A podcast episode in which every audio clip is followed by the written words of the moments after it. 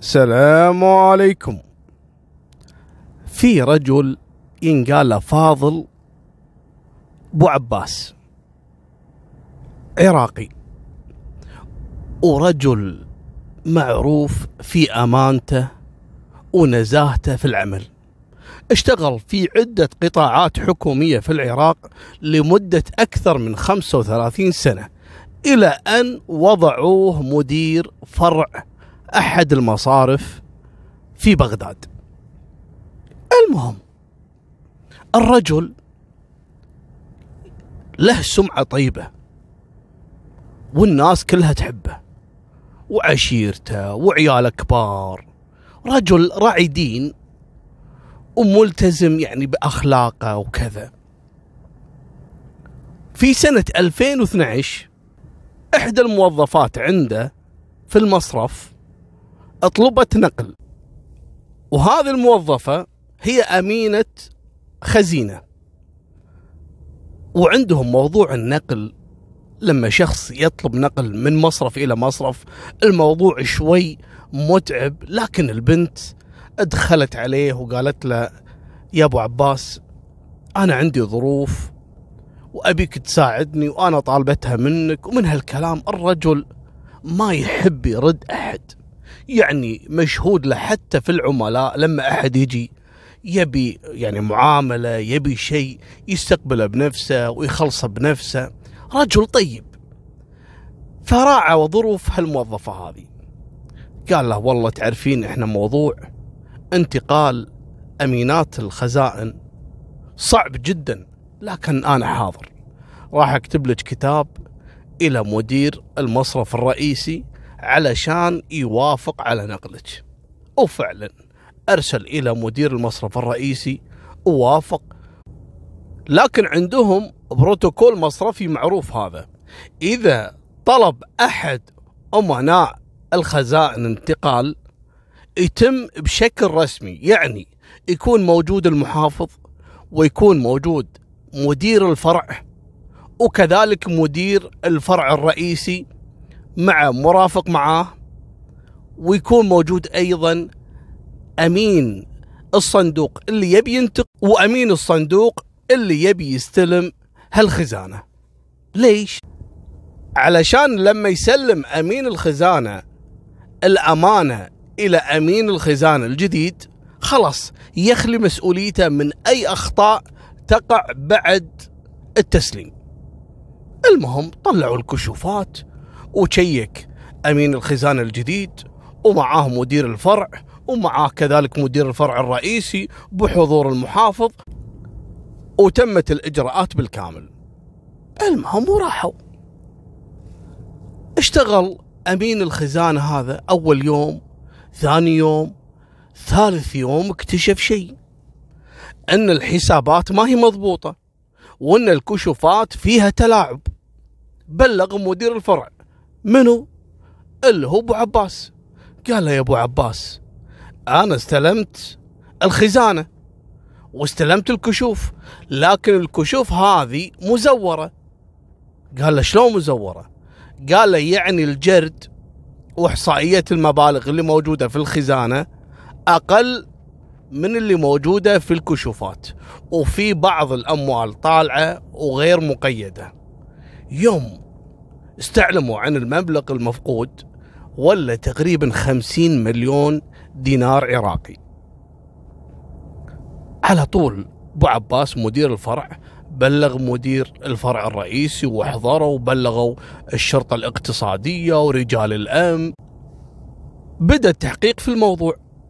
استدعوا أبو عباس وأمين الخزنة الجديد وكذلك أمينة الخزنة السابقة اللي انتقلت. يبي يعرفون الخطأ من منو. كل واحد من هالموظفين أمناء الخزاين يحطها برأس المدير وفعلا قانونيا أن مدير الفرع هو المسؤول المباشر على فقدان الأموال. أي شيء يضيع يصير برأس منه مدير الفرع لأنه هو اللي يختم الميزانية. يعني لما يعطيه الكشف مدير الخزانة المفروض إن مدير الفرع يشيك على الكشوفات ويشيك على المبالغ الموجودة والمصيبة أن الأموال كانت فوق يعني بالملايين. يعد شنو وخلي شنو. المهم بدا التحقيق وكذا. صفوا الموظفين على نفس الكلام إن المسؤول الأول والأخير اللي هو أبو عباس مدير الفرع. أبو عباس مسكين. ما عنده شيء يثبت منو اللي سرق الأموال؟ مالكم بالطويلة. أفرجوا عن الأمناء وتم احتجاز أبو عباس إلى أن يتم محاكمته. مسكين أبو عباس بعد هالعمر هذا كله وسمعته وسمعة عياله. الرجال مات مات من القهر. آخر عمري أنا أنقط في السجن والناس تقول عني حرامي. أبو عباس ما يلام. الرجال خلاص سلم أمر رب العالمين. وأنتم عارفين مثل هالقضايا هذه تحتاج وقت طويل إلى أن تبدأ أول محاكمة ويثبت إذا هو فعلا المختلس ولا لا. الرجال مسكين في السجن بحياته ما تعرض لشرطي ولا دخل إلى سجن ولا اتهم في حياته.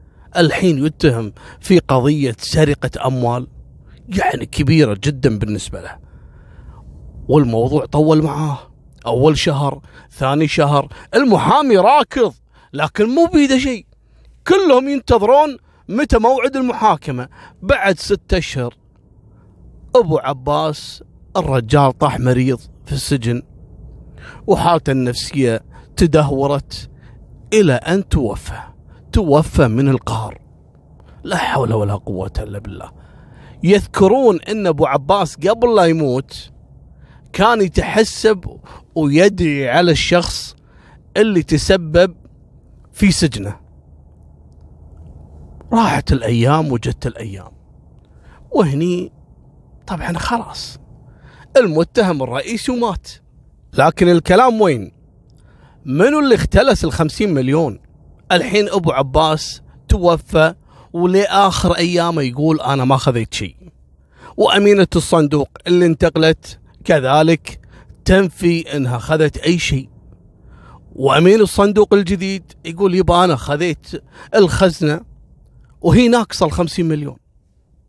المهم راحت الأيام وجت الأيام أمينة الصندوق اللي انتقلت من المنطقة اللي كانت عايشة فيها وسكنت أحسن المناطق وبدأ شوي شوي يظهر عليها يعني حياة الرفاهية والسفرات والسيارات. هذه يعني الشكوك بدأت تدور حواليها. لكن القضية خلاص تقفلت بموت أبو عباس. هالبنت هذه في أحد سفراتها لأحد الدول الأوروبية. كانت مستمتعة وكذا. ويحصل عليها حادث. حادث مروري لكن بسيط جدا. أصيبت بجروح بسيطة. لكن من زود الفلوس راحت تراجع في أحد المستشفيات هناك. افحصوها وكذا. قالت مرة واحدة افحصوني من رجولي لين شعر راسي. طبعا طلعت هي اللي بايقة الخمسين مليون. فسووا لها فحوصات. مال حرام مال سهل جايها. يوم فحصوها ويجيبوا لها النتيجة. قالوا لها يبا إحنا ما ندري شو نقول صراحة. قالت شنو؟ على موضوع الحادث والجروح ترى يعني بسيط عادي يعني. قالوا لها لا إحنا الفحوصات اللي سوينا لها كل شيء تمام إلا شيء واحد. قالت شنو؟ قالوا لها أنت يعني فيك مرض السرطان. قال شو تقولون بصدقكم ولا شنو؟ قالوا يبا أنت فيك مرض السرطان والمصيبة مو هني المصيبة إن المرض منتشر في جسمك كله. يعني أصلا ما ينفع معاك العلاج. طبعا سبحان الله مرات واحد يكون مريض وما يدري عن نفسه تلقاه صاحي ابدا ما يحس بشيء. لكن بس يدري ويبلغونه وخصوصا إذا بلغوه بطريقة غبية ينهار نفسيا. خلاص يحس إنه فعلا مريض وتعبان وممكن يوصل إلى مرحلة خطيرة. فالنفسية شيء مهم. لكن هذه حسبي الله ونعم الوكيل فيها. هذا جزاءها سبحان الله. يوم درت إن فيها سرطان ومنتشر وقالوا لها أصلا أنت يعني إحنا ما نبي نخوفك وكذا لكن ترى ما راح تطولين يعني. رجعت لبغداد وانهارت نفسيا. وصارت ما تطلع ولا تروح ولا تجي بس تنتظر الموت. بدت عاد تقلب بدفتر ذنوبها على قولتهم. تذكرت منو؟ تذكرت سالفة أبو عباس. اللي مات في السجن من القهر وانتشر خبر إنه دعا على الشخص اللي اتهمه في الموضوع. قالت يبا دام أني أنا ميتة ميتة ثاني يوم راحت سلمت نفسها للنيابة وبلغتهم بالقصة كاملة وقالت يبا ابو عباس بريء. وأنا طوال الفترة اللي كنت موجودة عنده في الفرع كنت أختلس من الأموال وأزور في السجلات وقدرت آخذ على مدى الفترة اللي فاتت 50 مليون. وأنا طلبت النقل من الفرع إلى أن يكتشفون قصة السرقة. أكون أنا يعني بعيد عنهم. وأنا صراحة ابي ابري ذمتي قبل لا أموت. بعد شنو؟ بعد ما تشوهت سمعه الرجال ومات من القهر وتيتم عياله وترملت زوجته. ليش؟ أصدرت المحكمة حكم ببراءة أبو عباس من التهمة اللي تم توجيهها له وتم تعويض أفراد أسرته بمبلغ يعني كنوع من رد اعتبار ونشر خبر الاعتذار بصحف رسمية أن أبو عباس الرجل بريء والمتهم اعترف بالجريمة بالكامل. وهني نهاية سالفتنا. الله يكفينا شر الظلم والظلمات لكن وين بتروح؟ يوم القيامة التلاقون. وفك عمرك عاد هناك. إذا أنت شاطر في الدنيا وعندك واسطات ولا أنت لسانك طويل وتعرف تاخذ حقك بلسانك وتقدر تخدع اللي قدامك وتاخذ حق غيرك. عند رب العالمين يوم القيامة ما فيها الكلام لسانك بروحه يتكلم. الله يكفينا شر اليوم هذا. وهذه نهاية سالفتنا. ولا تنسون الاشتراك في القناة. وفمان الله مع السلامة.